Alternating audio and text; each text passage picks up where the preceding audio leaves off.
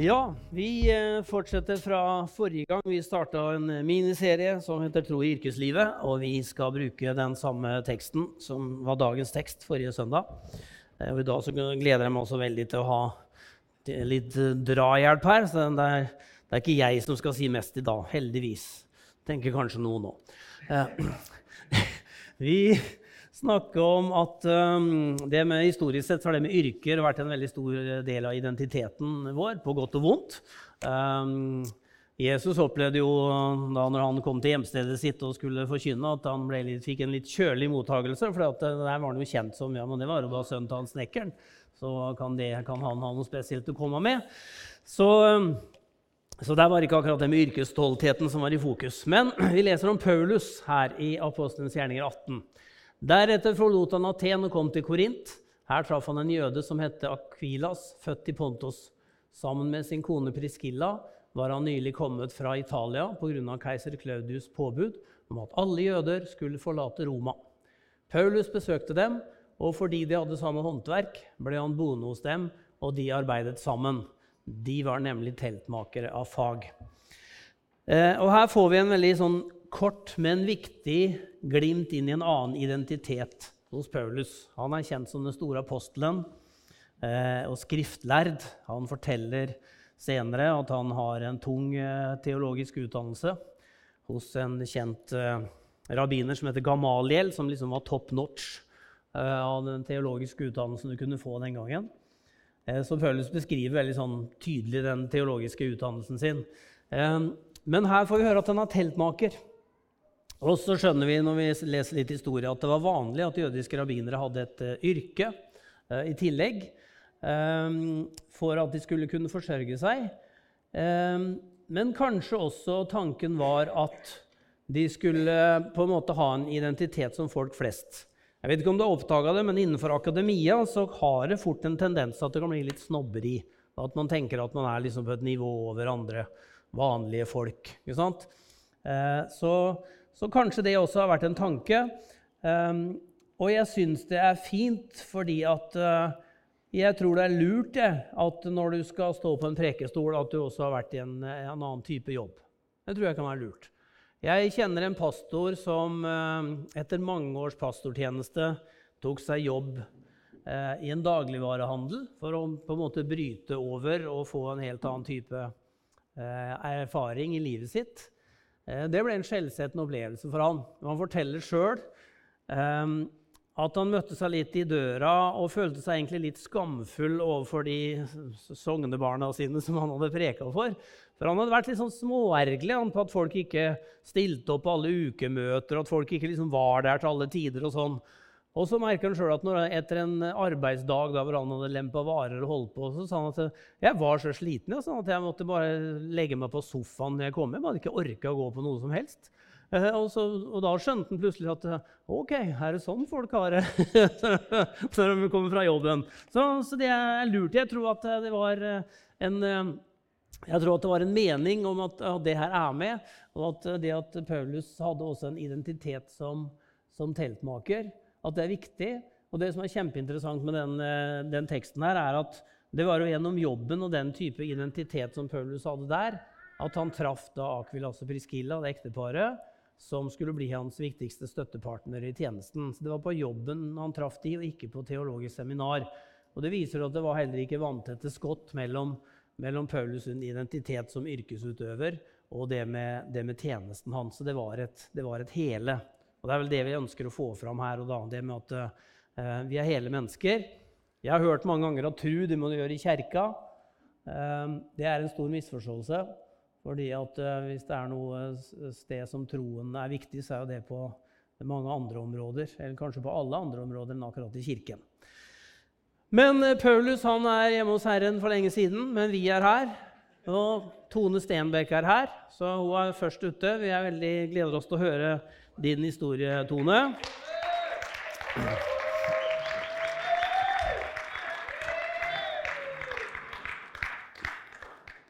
Um, ja, Tone. Uh, jeg vet at du ganske tidlig fikk en veldig sånn bevissthet rundt det med å ha med Gud inn i det du driver med, og at det til og med var viktig for den jobben du har, og, og jobben du fikk? Ja, eh, jeg tror vi må prate om akkurat den jobben jeg har i dag, fordi den har vært helt spesielt når det gjelder vandringa med Gud. Og for de av dere som vet hva Viken fylkeskommune er, så er det jo stort, en stor fylkeskommune med 12 000 ansatte som betjener 1,2 millioner mennesker. Eh, og da vi skulle bygge den, så skulle vi jo etter hvert, vi som var i de tre gamle fylkeskommunene, vi skulle søke på de jobbene som skulle være i Viken. Jeg, eh, det er litt viktig for meg å si, sto da egentlig i en livskrise og var på mitt aller mørkeste da jeg skulle søke på den jobben. Jeg hadde egentlig tenkt jeg ikke skulle være leder lenger, fordi at jeg skulle jobbe med det jeg sto i. Men så var det så mange gudfeldigheter, som jeg liker å kalle det, som gjorde at til slutt at jeg ble bedt om å søke, og som gjorde at jeg fikk den. Helt spesielle ting. Det skal jeg ikke bruke tid på nå. Men eh, da måtte jeg jo si til Gud nå skal jeg ta på meg min største lederutfordring når jeg er som lengst nede.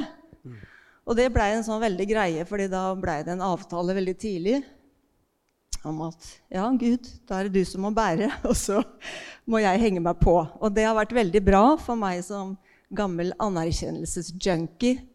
Som, eh, som, da bare tenkte ok, Gud, du tar jobben, du får æren. Og sånn ble det på en måte på veien inn der. Men jeg merka jo at jeg eh, følte som at Gud hadde plassert meg i den jobben. Og da var jeg litt sånn, litt sånn stressa som jeg kan bli, for jeg skal være så veldig flink på ting. At jeg må virkelig bruke den til Guds ære på alle måter. Så jeg begynte liksom å ja, For det var en som hadde antyda til meg for en stund siden liksom før den jobben, at kanskje jeg prioriterte litt feil, at jeg brukte litt mye tid på lederjobb. Da tenkte jeg wow, da skal jeg passe på hvert fall å bruke den for veldig mye for Gud. Så jeg begynte jo liksom å stresse med alt som var rundt jobben min. Jeg kjørte på toget, så satt jeg og sendte tekstmeldinger og oppmuntringer, og jeg ba for folk. Det er jo veldig bra. Det fortsetter jeg med, altså. Men eh, jeg begynte å ta med meg pledd og puter og småpenger og sånt, og disse tiggerne som satt på den broa over fra Oslo S til kontoret mitt på bussterminalen. Liksom alle de tinga som egentlig For jeg trodde liksom at jeg, nå kommer jeg til å bruke så mye tid på jobb, så nå må jeg rettferdiggjøre det. Og det var jo helt feil spor å være på. Eh, og flink fike-syndromet. Hallo, sånn altså! er det mulig? Og så eh, begynte, kom det nye fylkesrådet på plass. Eh, og så eh, den første uka da, og Jeg jobber jo da i en stilling som er helt tett opp til fylkesrådet, tilsvarende regjeringa kan vi si, på nasjonalt nivå. Og så, Da jeg satt på toget en kveld hjem Jeg må nesten ta med den historien. Du får bare avbryte meg, Sigmund. Ja, det går fint, der, Tone. Bra. Så ringer fylkesrådslederen til meg, det var uh, den gang, hun som er kunnskapsminister nå, Tonje Brenna, og sier Tonje nå er det en ganske gretten journalist som har ringt her, sier, sier hun. Uh, Tonje hun anser seg selv som ateist, men hun er veldig tolerant overfor andre. Men hun hadde fått spørsmålet da, fra denne vanskelige journalisten i en avis som tydeligvis var ute etter å sverte fylkesrådet. Så, så spurte han Eh, du er klar over at to av de du har fått med deg på rådslaget ditt Den ene snakker med engler, og den andre er i sånne settinger hvor man driver med tungetall og sånn. Tenkte jeg wow, det er derfor jeg er her. For en tid som denne. tenkte jeg, og jeg tenkte på, ja. Eh, så ble vi enige om at hun skulle vente på sitatsjekk. Og så gikk jeg av toget, og så skulle jeg bort til bilen min, som, da ligger, som sto rett bortafor. Og da stoppa jeg ved et hus på veien. Og så ringte jeg på døra. Ut kom Mona og Harald. For de kjenner den fylkesråden som driver med tungetallet. Så sa jeg her er det en liten kamp på gang. Vi er nødt til å be. Og så ba vi. Eh, ba vi for han, og så gikk jeg videre og kjørte hjem. Og den saken kom aldri på trykk. Altså det var liksom, tenkte jeg, det er sånn jeg skal holde på. Mm. Men så var det ikke helt sånn. Nei. Så det var kanskje noe som eh, når Egil Svartdal opplevde det sammen når han begynte i TV 2. så var det noen som spurte om det kom til å bli tungetale. Og da svarte Dan Børge Aker at i så tilfelle så ville det bli teksta. Da må vi ansette noen i teksting som har tydningens gave. Nei, I hvert fall da for å bare, ja, gå litt videre. Jeg var fortsatt inne i min vanskelige tid, og så begynte Viken eh, sin levetid. Og etter ti dager så kom vi inn i en massiv eh, periode med masse skoletrusler. Trusler om skoleskyting. Jeg har også beredskap i min portefølje, bare sånn at det er sagt. Det holdt på i fem uker på nesten alle våre 60 videregående skoler. Og så kom pandemien. det vet vi jo. Mm. Så etter to og en halv måned så sendte vi 1400 ansatte på, i administrasjonen hjem. Og jeg gikk 24-7 i beredskap. Mm. Og da ble det plutselig noe helt annet. Men plutselig så skulle vi prate med folka våre eh, på skjerm. Og vi skulle berolige dem, og vi skulle være der for dem. Og den som var ansiktet utad der, var jo meg. Så Mm. plutselig så fikk jeg en posisjon hvor jeg fikk sjansen til å være den som uh, utgjorde en forskjell. Og det var jeg en massiv bønn til Gud på. Liksom, hvordan, hvilke ord trenger de nå? Hva er det de trenger å høre for at de skal kjenne seg eh, sett og ivaretatt underveis? Og jeg var sjukt sliten, og etter denne tida så sier jo alle folk rundt meg hvordan klarer du å stå i det her? De visste, noen av de som visste hva jeg sto hjemme, de sa hvordan klarer du å stå på beina? Nå er du på, på, på jobb døgnet rundt, og du står i så vanskelige ting. Og da fikk jeg plutselig en eh, inngang til å snakke om Gud. For det var jo det jeg leta etter. da. For da kunne jeg si, da, vet du, litt sånn spøkefullt kanskje, men eh, det er jo et mirakel at jeg står på beina. Det er et Guds mirakel. Og jeg fortalte om hvordan jeg ikke hadde revmatismen som jeg pleier. Og sånn. Og plutselig så hadde jeg veier inn til å prate med folk om Gud. Og det var jo veldig spesielt. Og etter hvert så blei det sånn at lederne mine og de som visste det, kunne jo si når folk spurte meg ja, Tone hun driver og snakker med han der oppe, vet du. Ja. Så da plutselig så hadde jeg ganske mange samtaler med Gud, sånn, eller med sånne enkeltsamtaler. Eh, så jeg fikk, følte liksom at jeg fikk virke i det jeg sto i. Og hele tiden så var det sånn at det var på nippet til at jeg klarte å stå opp om morgenen, og Gud bar gjennom hele veien. Så det var veldig sterkt, fordi at da var alt til Guds ære. og så følte jeg veldig på at da må jeg bare bruke det her for alt det er verdt. Mm. Så uh, Men det falt seg veldig naturlig, da, det at det ble en, å ha med Gud. Det gjorde det. det. Ja. fordi jeg, jeg hadde ikke klart det uten. Nei. Og så jobba jo Gud med meg i det jeg sto i, og jobba med helbredelse og helliggjørelse, eller hva vi kan kalle det. Eh, Og det etter hvert så ble jo bønnen min, for jeg så hvordan Gud hjalp meg. Eh, Lær meg å elske de menneskene jeg skal møte hver dag, og lær meg å se det med dine øyne. Det høres veldig fromt ut, men jeg hadde ikke klart det et sekund hvis ikke det hadde vært for Gud. Og det har jeg bare lyst til å si, for jeg var ikke sånn skrudd sammen. Og så har han bare forandra hjertet mitt mer og mer, sånn at jeg har eh, klart å virkelig se- Gud med hans øyne i større og større grad. Så bra. Ja. Men Tone, jeg tenker på det at når alle som driver med informasjon, også politikere og i din jobb og sånn, så kan du vel komme dit hen at du Altså det med, det med hva som er sant og sånn, det kan jo være litt sånn som fanden leser Bibelen, som, som vi pleier å si. Eh, har du vært i situasjoner hvor du, altså, integriteten blir litt sånn utfordra på hva, hva skal jeg egentlig si nå? Hva er sant? Hva skal vi si? Hva skal vi ikke si? Sånne ting? Absolutt. Ja, pressevakten ligger jo også under mitt ansvar, og de som jobber for å svare ut for politikerne. Mm. Så det treffer vi faktisk på stadig vekk. Og I hvert fall i starten, da fylkesrådet vårt hadde en annen farge enn regjeringa, så skulle jo vi bl.a. hjelpe dem å drive regjeringskritikk. Ja. Og det betydde jo at vi skulle rak eller på en måte satt på spissen snakke ned om deres politikk for å løfte opp de rød-grønnes politikk. Da må du jo bare gå litt i deg sjøl. Hvor langt kan du strekke det? Og, og vi blei jo veldig enige om folka mine og jeg at vi skulle velge den høye veien. og vi skulle passe på når vi var inne i gråsoner og passe på hverandre. Men det skjer jo stadig vekk. Og jeg får jo veldig tidlig vite om ting som potensielt kan bli krevende mediesaker, Ja. hvor vi har blitt kritisert for noe.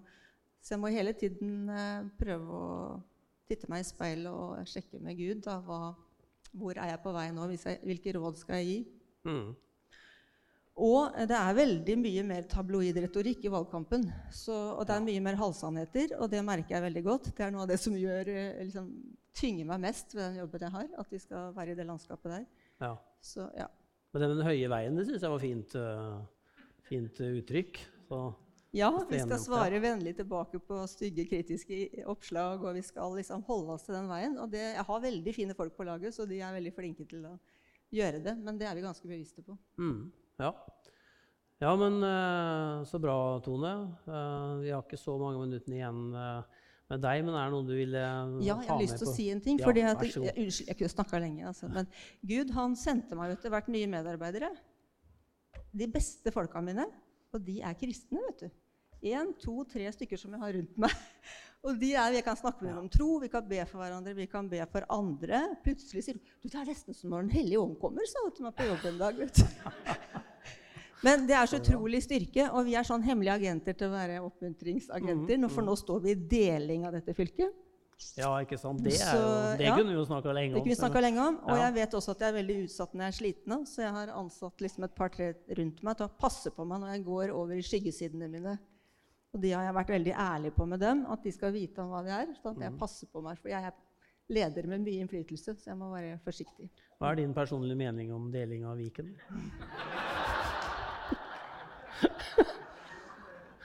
Den hadde jeg ikke forberedt deg på. Nei, nei, nei, nei, nei. Kan jeg svare så kort jeg kan? Jeg har blitt veldig glad i Viken. Jeg har jobba knallhardt for å bygge det. Og gjort, fått til masse.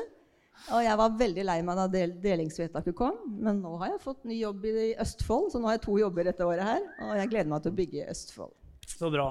Tusen hjertelig takk, Tone. Ole Henrik, er du klar?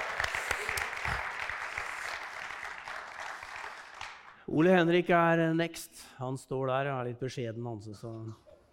Men han har stått på en scene før, det vet jeg. Da kommer kortet hans opp her. Ole Henrik Moen Pedersen.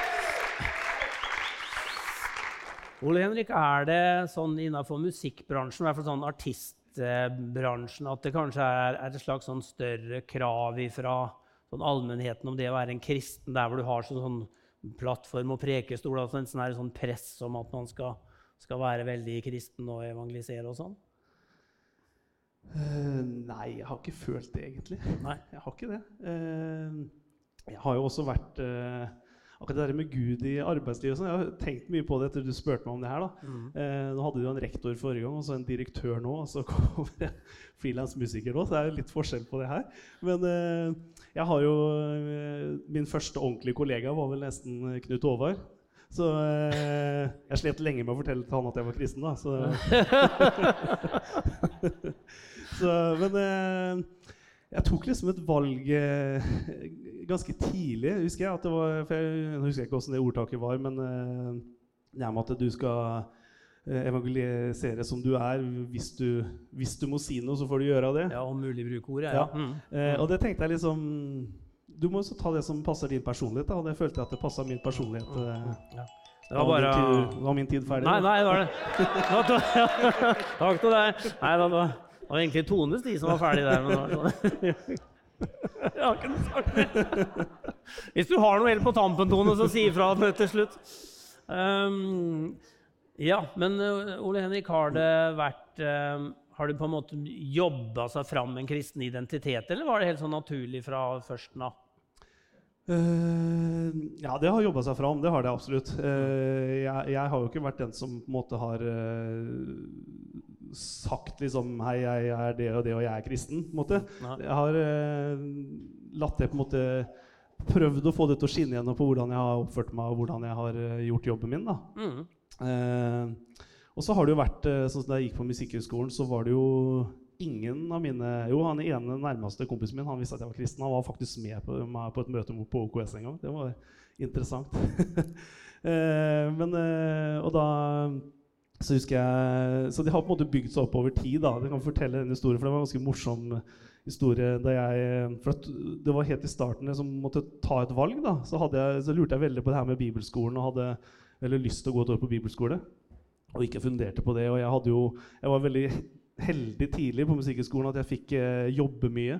Hadde mye vikariater i, i orkester og eh, profesjonelle militære korpsa. og Satt et år i Kristiansand i orkesteret der, og så hadde jeg et år i Horten. Og fikk, liksom, fikk gjort veldig mye mens jeg studerte. da. Så den studietida varte jo i, skulle vart i fire, men tok nesten ti år. det, var, det var, var fint, det. Eh, og så tenkte jeg at det her med bibelskolen kom liksom veldig opp. at det hadde jeg veldig lyst til å gjøre da.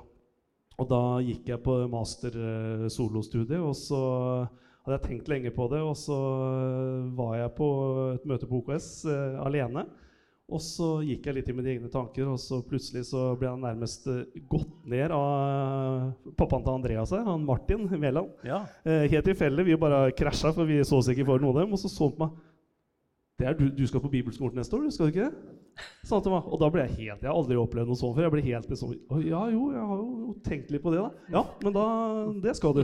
Eh, og det var nei, sånn, Vi ses ikke der, for da skulle han flytte til Trondheim, og hadde vel egentlig ja, også flytta da. Eh, og så husker jeg skulle, hvordan skal jeg få til det her? liksom nå jeg er jo avhengig, jeg hadde ikke tatt noe studielån um, på det masterstudiet, for jeg hadde jobba så mye. Så jeg fikk liksom pengene der, så ville prøve å spare det lånet. Og så Hvis jeg skal gå på bibelskole, så er jo det skole hver dag et helt år. Da kan jeg bare se langt etter de orkesterjobbene. Um, så husker jeg, husker jeg ba en bønn. litt sånn, Jeg har hørt om sånne frimodige bønner. Mm. og da ba jeg med ok Gud, hvis jeg skal ta det året her på bibelskole, så må du sørge for at det her ordner seg. Og vet, du, Når du er i musikermiljøet og du sier nei til en uke i orkester, så er det ikke deg de ringer først neste gang. Nei. Sånn er det alltid. ikke sant? Så du må liksom hele tida sitte og gjete og, og være det første navnet de tenker på. da husker jeg sa til Gud at hvis jeg skal gå på bibelskolen, så må du sørge for at jeg ikke mister de jobbene, og at jobbene er der når jeg kommer tilbake. Så da ber jeg deg om å stoppe alle de jobbene nå. Ikke, ikke, la dem ringe til meg, for jeg vil ikke si nei. nei. For da er du ferdig. Liksom, hvis de assosierer meg med å si nei, så er jeg ferdig. Så, så ikke la dem ringe til meg, og så når jeg er ferdig med det året her, så kan du sette i gang jobbene igjen. og så, det var frimodig. Det var, var frimodig. Ja. Og så var En av de første dagene som jeg kjørte til skolen, så måtte jeg ned om Oslo S, og da drev jeg og bygde den nye operaen. Og så akkurat som jeg fikk, eh, fikk, fra Gud, at der skal du, der skal du spille en gang. Liksom, fikk jeg liksom, jeg tenkte ja, det hadde vært moro. Det skal jeg, det skal jeg huske på. Mm. Uh, og saksofon og opera er ikke akkurat veldig mye, mye brukt. Kanskje én gang hvert tiende år. Ja. Men så tok jeg det året på bibelskolen, og den ukene gikk ene etter den andre. og Det hadde gått en måned, og jeg hadde ikke ringt en eneste telefon på en eneste spillejobb. Da tenkte jeg kjære Gud, hva har jeg gjort for noe? Men jeg får bare stå i det. Eh, det kom ikke en eneste forespørsel. Eh, og så hadde vi avslutning på bibelskolen. Og så ringte telefonen, og da skulle det komme et stort sånn sørafrikansk eh, ensemble som var på turné, var på verdensturné og skulle ha liksom, den store åpningsforestillingen i operaen eh, med and Bess. Og der er det jo tre saksofoner. Mm. Da var jeg med på den forestillinga. Fantastisk. Fantastisk. Ja. Så da opplevde jeg at det, det funka, da. Mm. Mm. Og da fikk jeg litt sånn OK, du, jeg må ha med deg på laget videre hvis ja. det her skal funke. Ja. Det er vanskelig å ikke se Guds hånd i, i det. Ja. Det er det da. Mm. Men du har sagt her at du er god på snikbønnifisering. Det må du nesten, uh, det må nesten ja. utdype litt. Ja, det var litt det som jeg snakka om i stad. At jeg, jeg fronter kanskje ikke, sier ikke til alle at jeg er kristen. og Det var veldig interessant det jeg snakka om forrige gang med Børven, om skole og sånn. Jeg opplever det som ikke vanskelig, men det er, liksom, det er ikke et eksisterende spørsmål for meg å være en kristen lærer. For det, jeg kan ikke kan nesten ikke promotere det. på en måte. Det er uh, veldig vanskelig, da, for det er veldig mange kollegaer sånn som er uh, realister. og annet en som jeg er kontaktlærer sammen med, som er liksom så det, hun har ikke nesten turt å si at jeg er kristen engang. og det er liksom ikke en del av skolevernet sånn som det var før. da. Uh, derfor har jeg blitt litt god på sånn snikbønnifisering. Så jeg tar også ber en liten bønn for henne, og så ber jeg en liten bønn for dem som er i rommet, uten at de vet om det. Mhm. Og så sprer jeg litt sånne skjulte velsignelser. og det har jeg brukt litt på sånne steder som, uh, som vi har en, en, jobb som vi har gjort de siste åra nå, jeg og Knut Håvard, med en festival uh, oppe på festningen i Halden. Som er sånn Det er svart, svart, uh, svart, uh, svart metall. Der leverer vi, leverer vi, all lyd og lys den ja. festivalen. er Det og ja. naturlig. Eh, de vet ikke hvem jeg og Knut Håvard er. for å si det sånn. Eh, og da har jeg det litt morsomt da, at når de eh, voksne mannfolka står med sminke og sånn på scenen, så står jeg bak og så ber jeg litt for dem. Da. Du bare visst. De vet ikke hva de gjør. sier jeg. Så det syns jeg er litt uh, morsomt. Jeg har litt dårlig samvittighet. Jeg måtte be litt ekstra for Ken Robin det første året vi hadde den uh, festivalen. For det var han vi satte igjen til å være tekniker på den festivalen. Så unnskyld, Ken Robin. ja. Um, men uh, er det Altså det, det med dilemma som lærer, um, det, det, skjønner jeg, det sa jeg sist òg, at det, der har merka at ting har, har blitt vanskeligere. Men sånn innafor musikkmiljøet. Jeg har inntrykk av at det er jo mange, det er mange musikere som, som, jeg tror ber til Gud under dyna, men som ikke, uh, som ikke står fram med det. Sånn at det er Veldig. mange innenfor miljøet som, ja. som faktisk det tror jeg, det, og det er det også. helt mm. klart. Jeg har hatt veldig mange fine samtaler. for Da jeg, da jeg gikk på bibelskolen, da, så husker jeg måtte si til dem Jeg spilte veldig aktivt i en saksofonkvartett som var mye ute og konkurrerte. Og sånn. Og da sa jeg at til neste år så kan ikke vi ha noe øvelse på dagtid, for da er jeg opptatt da måtte jeg fortelle til slutt at jeg skal gå på bibelskole. da ble det noen store øyer, og så begynte de her å spre seg litt som sånn ille tørt gress. da. Og da fikk jeg mange interessante samtaler uh, utover kveldene med mange forskjellige. Uh, og da var det mange som Blant annet én, husker jeg. Det var en, eh, en hornist som var homofil.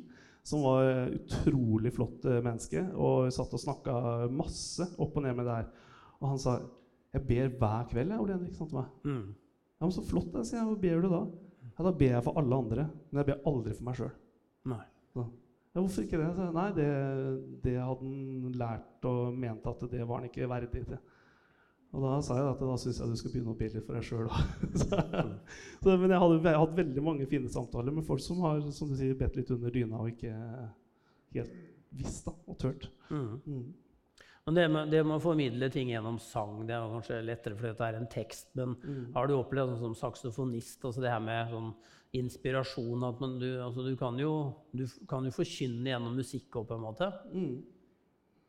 Ja, jeg har opplevd å være med i settinger hvor det har vært, eh, vært veldig sterkt. eh, og det har jeg absolutt. Uh, blant annet en, en av de første det var vel konsert nummer to, den Moss Andersen-konserten i Gamlebyen. som vi hadde, Ja. De er vel ikke nå lenger, tror jeg, men det var sånne store konserter i kirken i Gamlebyen. Da var jeg med og spilte der, og da fikk jeg, når jeg åpna den konserten, så da var liksom, det, var, det var en veldig sterk opplevelse. Da var det han, ja, han Ketil Furberg som var her før. Ja, han sa han hadde, hadde ikke klart å lande etter konserten, for den åpninga hadde han, han måtte gå hjem sånn, etter konserten. så han hadde, Jeg vet ikke hvor han bor, men jeg skjønte at det var langt fra kirken i gamlebyen, så han hadde gått hele veien og grått hele veien hjem, sånn, for det var så sterkt for. Ja, og det var, det var en sånn sterk opplevelse, den konserten der.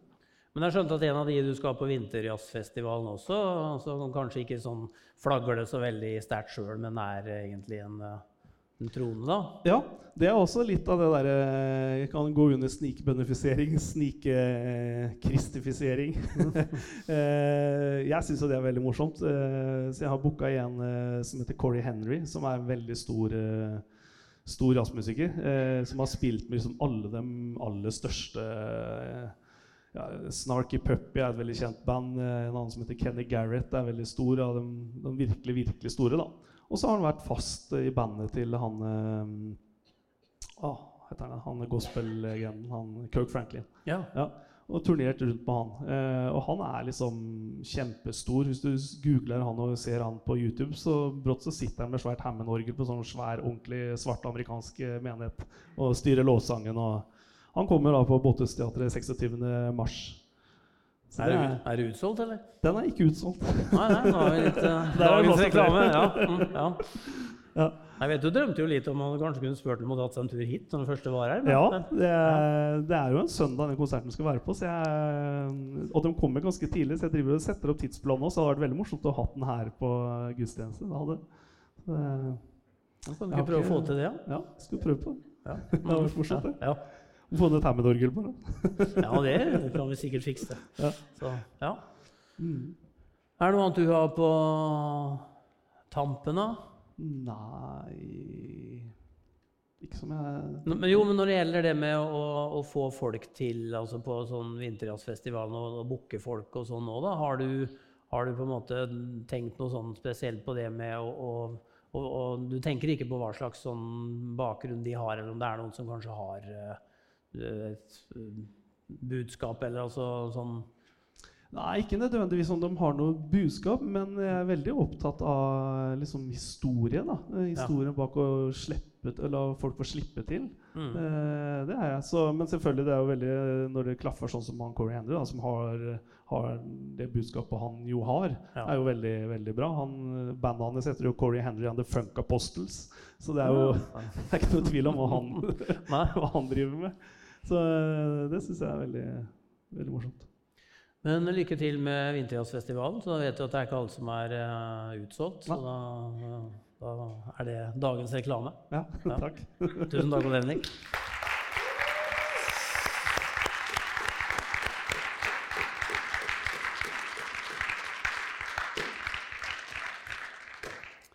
Ja, det er mye sterke historier. Uh, Lars Kristian skal få, skal få æren av å avslutte, eller være, være sist på her. Um, Jeg vet jo at uh, Du har gitt uttrykk for det før, Lars Kristian, og for deg så har det betydd uh, utrolig mye, det med å, å, ha med Gud inn i det du, du gjør på jobben. Det er ikke det har, har gått av seg sjøl, det har du sagt litt om før, men nå skal du få si litt mer om det. Ja, det har vært en spesiell reise de siste um, ti åra spesielt. Jeg har jo hatt mange ulike jobber opp igjennom, og så Jeg fikk en sånn uro over meg i um, eh, ja, i 2009, vil jeg vel kanskje si at det var. Eh, og eh, følte på en måte at Gud ville at jeg skulle gjøre noe annet enn det jeg hadde gjort fram til da. Og det er veldig merkelig hvordan du noen ganger eh, kjenner på Guds sånn tilskyndelser på ting. Altså sånn, Folk som ikke kjenner deg veldig godt, plutselig liksom kommer opp og så en person som sa en gang liksom, Vi drev og bare hilste hverandre. Jeg har aldri snakka med fyren før. Så, så forteller jeg hva jeg gjorde, og det var før da. Og så sier er det det du skal holde på med, Lars? Nei, jeg liksom kjenner jo den uroen inni meg. ikke sant? Og eh, folk som kom med bibelvers til meg i menigheten her, og osv. Og, og det hele endte opp med at eh, sammen med noen venner også her i menigheten, Per André bl.a., eh, så starta vi et selskap som navnet står der oppe, i 2010. Eh, og så var det masse jobb før vi liksom kunne komme og begynne å jobbe for det selskapet, men det skjedde i 2012. Eh, og jeg må si at eh, det er nærmeste jeg klarer å kalle et kall, på en måte, det Gud hadde der. Og jeg har vært veldig klar på at det har vært et kall fra Gud. Og jeg syns det er veldig vanskelig å bruke det ordet, så det tok veldig lang tid før jeg turte å bruke det at det var et kall. Og det kan høres veldig på en måte rart ut også, for jeg tenker kall det er liksom noe som prester og mm. kanskje en, en, lovsangsleder i ny og ne, liksom, misjonær og sånn, den blir, den blir, kalt. Men ikke til sånne ting som det å starte noe, et, eh, en bedrift som skal drive med helseteknologi. Det kaller ikke Gud til, men, men det er det nærmeste jeg klarer å beskrive. Um, og det ble i 2012. Um, og jeg har opplevd at um, det var å kaste seg virkelig ut på dypt vann. Ante ikke hva egentlig eh, det gikk ut på. Men det er noe med det at hvis Gud eh, kaller til noe, og eh, så er det, tror jeg, ofte ting som er litt på dypt vann. Altså Det er ikke noe som er veldig sånn greit og ok, men det kan hende han skyver oss ut på noe som er en utfordring. Og Det er ikke så lenge siden jeg var oppe her og snakka om forbønn. Og for meg så har det vært en sånn derre Det har vært så mye kamp hver eneste uke. Eh, å prøve å få det der selskapet opp og gå og få det der til å lykkes. At når jeg kommer på søndag, så er jeg helt avhengig av å bli fylt opp igjen. Mm. Eh, og derfor så er det For meg så har det vært kanskje den tiden i livet hvor jeg har vært nærmest Gud. Fordi jeg har blitt eh, pusha i ting som ikke er komfortabel med å gjøre. Ehm, men da har avhengigheten også blitt mye større. Mm.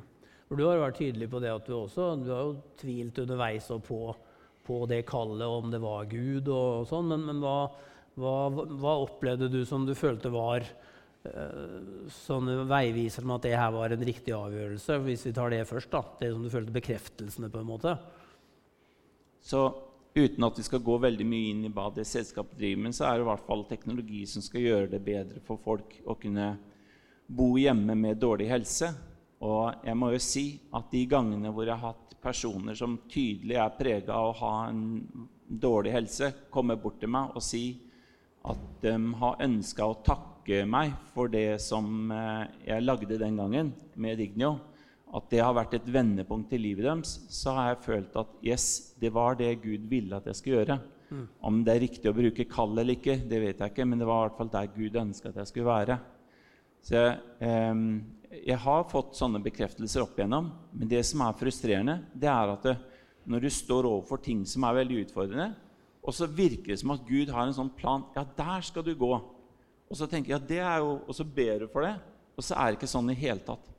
Nei, Gud pekte liksom bort der ville han at du skal gå. Og det er kjempefrustrerende hele tiden å tro at du liksom sånn Ja, nei, nå, nå følger jeg Gud. Der. Nå følger jeg deg, Gud. Nei, det var ikke der. Det var liksom en helt annen retning.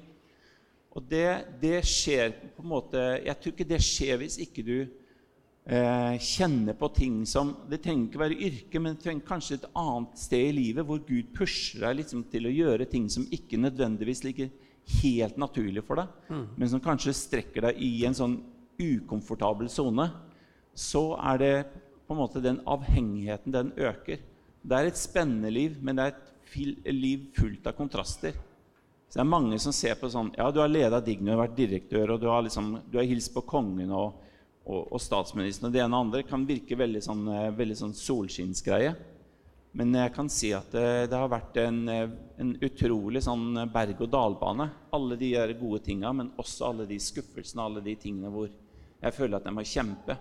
Men når jeg kjempa, så har jeg i hvert fall kjent at det, det har vært med Gud i ryggen. Jeg Jeg tror, jeg, bare preker, mange jeg. Du som- Jo, men jeg tror det er veldig mange som kjenner seg igjen i det med at det er jo både opp- og nedturer og, og frustrasjoner og, og feil valg og sånn, men det betyr jo ikke at du er på feil jorde uh, allikevel i, i det du starta på. Og det tror jeg ikke du opplevde heller med det her. Men du beskriver det som en krasjlanding når, de- når du gikk ut av da Dignio. Kan du si litt om det? Så eh, litt over et år siden nå så tok min styreformann eh, opp med meg at han ønska å bytte meg ut som daglig leder. Eh, det kom eh, veldig sånn sjokkarta på meg. Eh, og jeg gikk jo da inn i mitt tiende år som eh, daglig leder for selskapet. Og det var jo veldig sårt. Eh, det ble veldig sånn eh, vanskelig tid for meg. Og kanskje spesielt trosmessig. Gud, jeg opplevde at Gud hadde kalt meg til å gjøre det jeg skulle gjøre.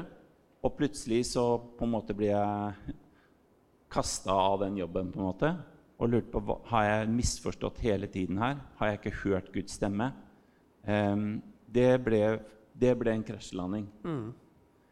Ehm, Men er det litt sånn den klassiske der med at For du har vært en gründer for det her. Og det er en sånn slags sånn saying at en, en gründer har, ikke skal være daglig leder for lenge. Er, altså, er, er vi der? Antagelig.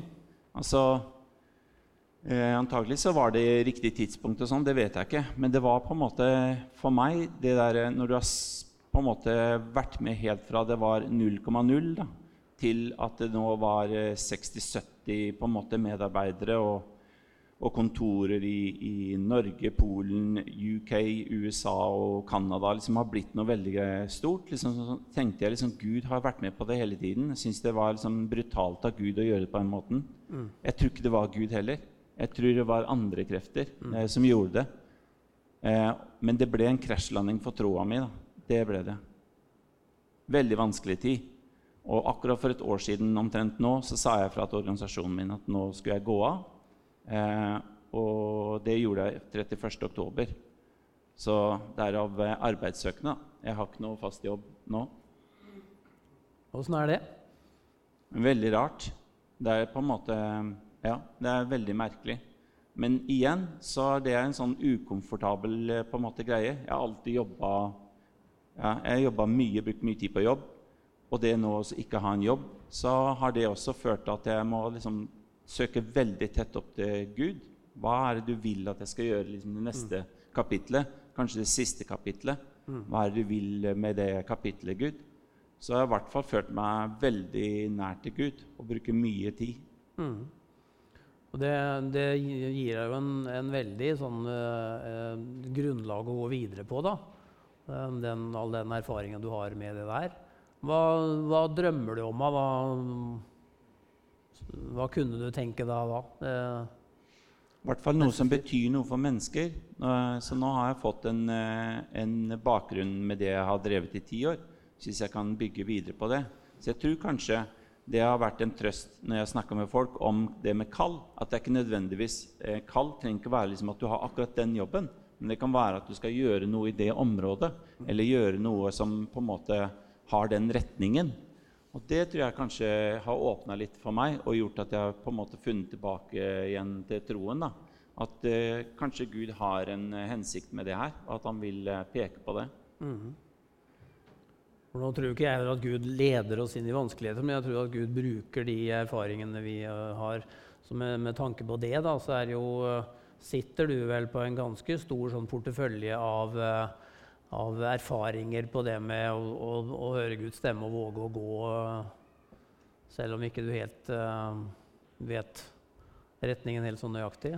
Ja, Det er spennende da, hvis man klarer å få et uh, Hva skal jeg si eh, Få til det, liksom det pushet og så gå etter eh, Guds utfordringer. Så det kan hende at Gud har en ny utfordring der. Men det er litt det jeg håper å kunne dele med andre. Det er liksom det å kunne tørre på en måte å gå ut i det ukjente.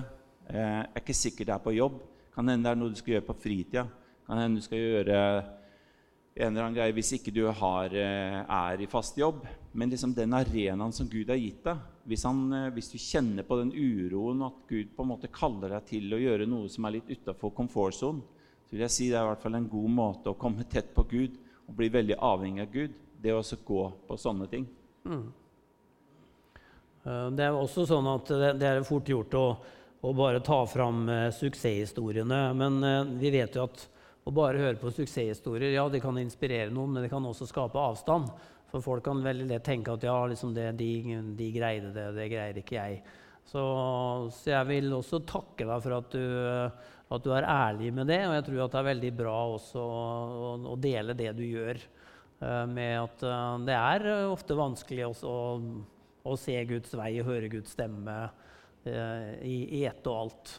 Men ofte når du ser tilbake, så ser du på en måte det det. at Gud har vært med allikevel. Mm. Akkurat det. Er det din erfaring?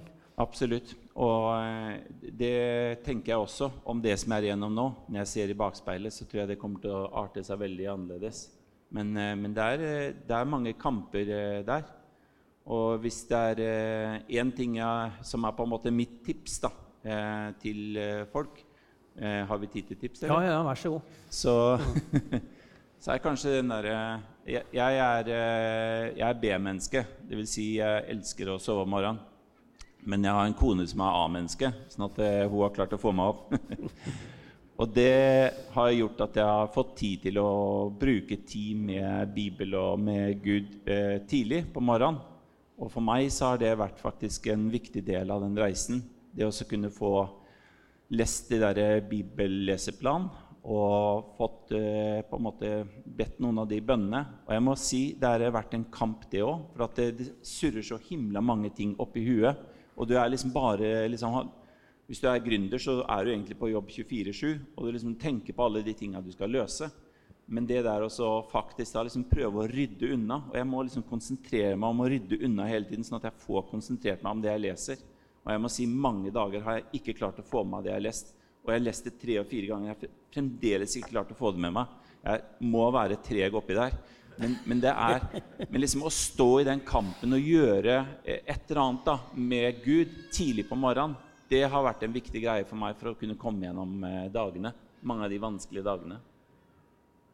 Det er mitt tips. Det er veldig bra. Og det jeg eh, vil også slite litt med det. Jeg er også B-menneske og er ikke da sånn på morgenen at jeg er helt sånn på topp der. Men uh, det er nok um, Det er nok viktig å ta den, ta den tida og ta det initiativet, som du sier. Det er noe med å ta på den rustningen som står mm. i Bibelen. Ja. Um, vi ønsker deg veldig mye lykke til i, med det du skal videre. Det er utrolig spennende. så da liksom, Nå har du jo tatt med oss uh, ja. inn på det, så vi kommer til å gå og tenke på det alle sammen. Ja, Hvis du har tips om jobb, så får du bare mm, ja. hva, hva, det kommer til å bli. Så, men tusen takk, Lars Kristian, for det du delte. Takk skal du ha.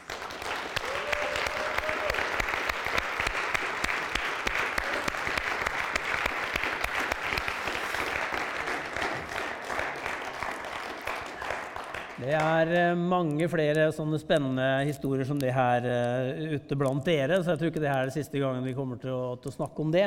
Uh, men det handler om å leve et helt liv, og det handler om det du sier med å oppleve et kall. Før så sa vi jo at sykepleiere og, og lærere og sånne hadde et slags kall. på en måte.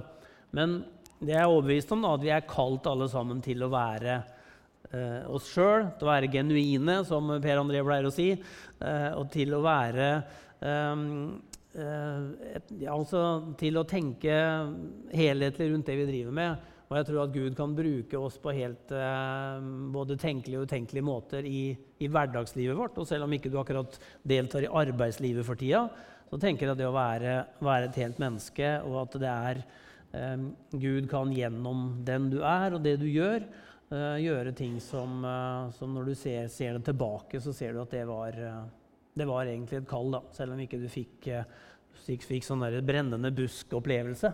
Men det at vi eh, har med Gud inn i hverdagen vår, det tror jeg eh, betyr veldig mye både, både for oss sjøl og for de menneskene vi møter i hverdagen. Det var dagens preken og dagens tekst. Da vil vi gjerne ha opp det flotte lovsangsbandet igjen. Skal vi be en bønn.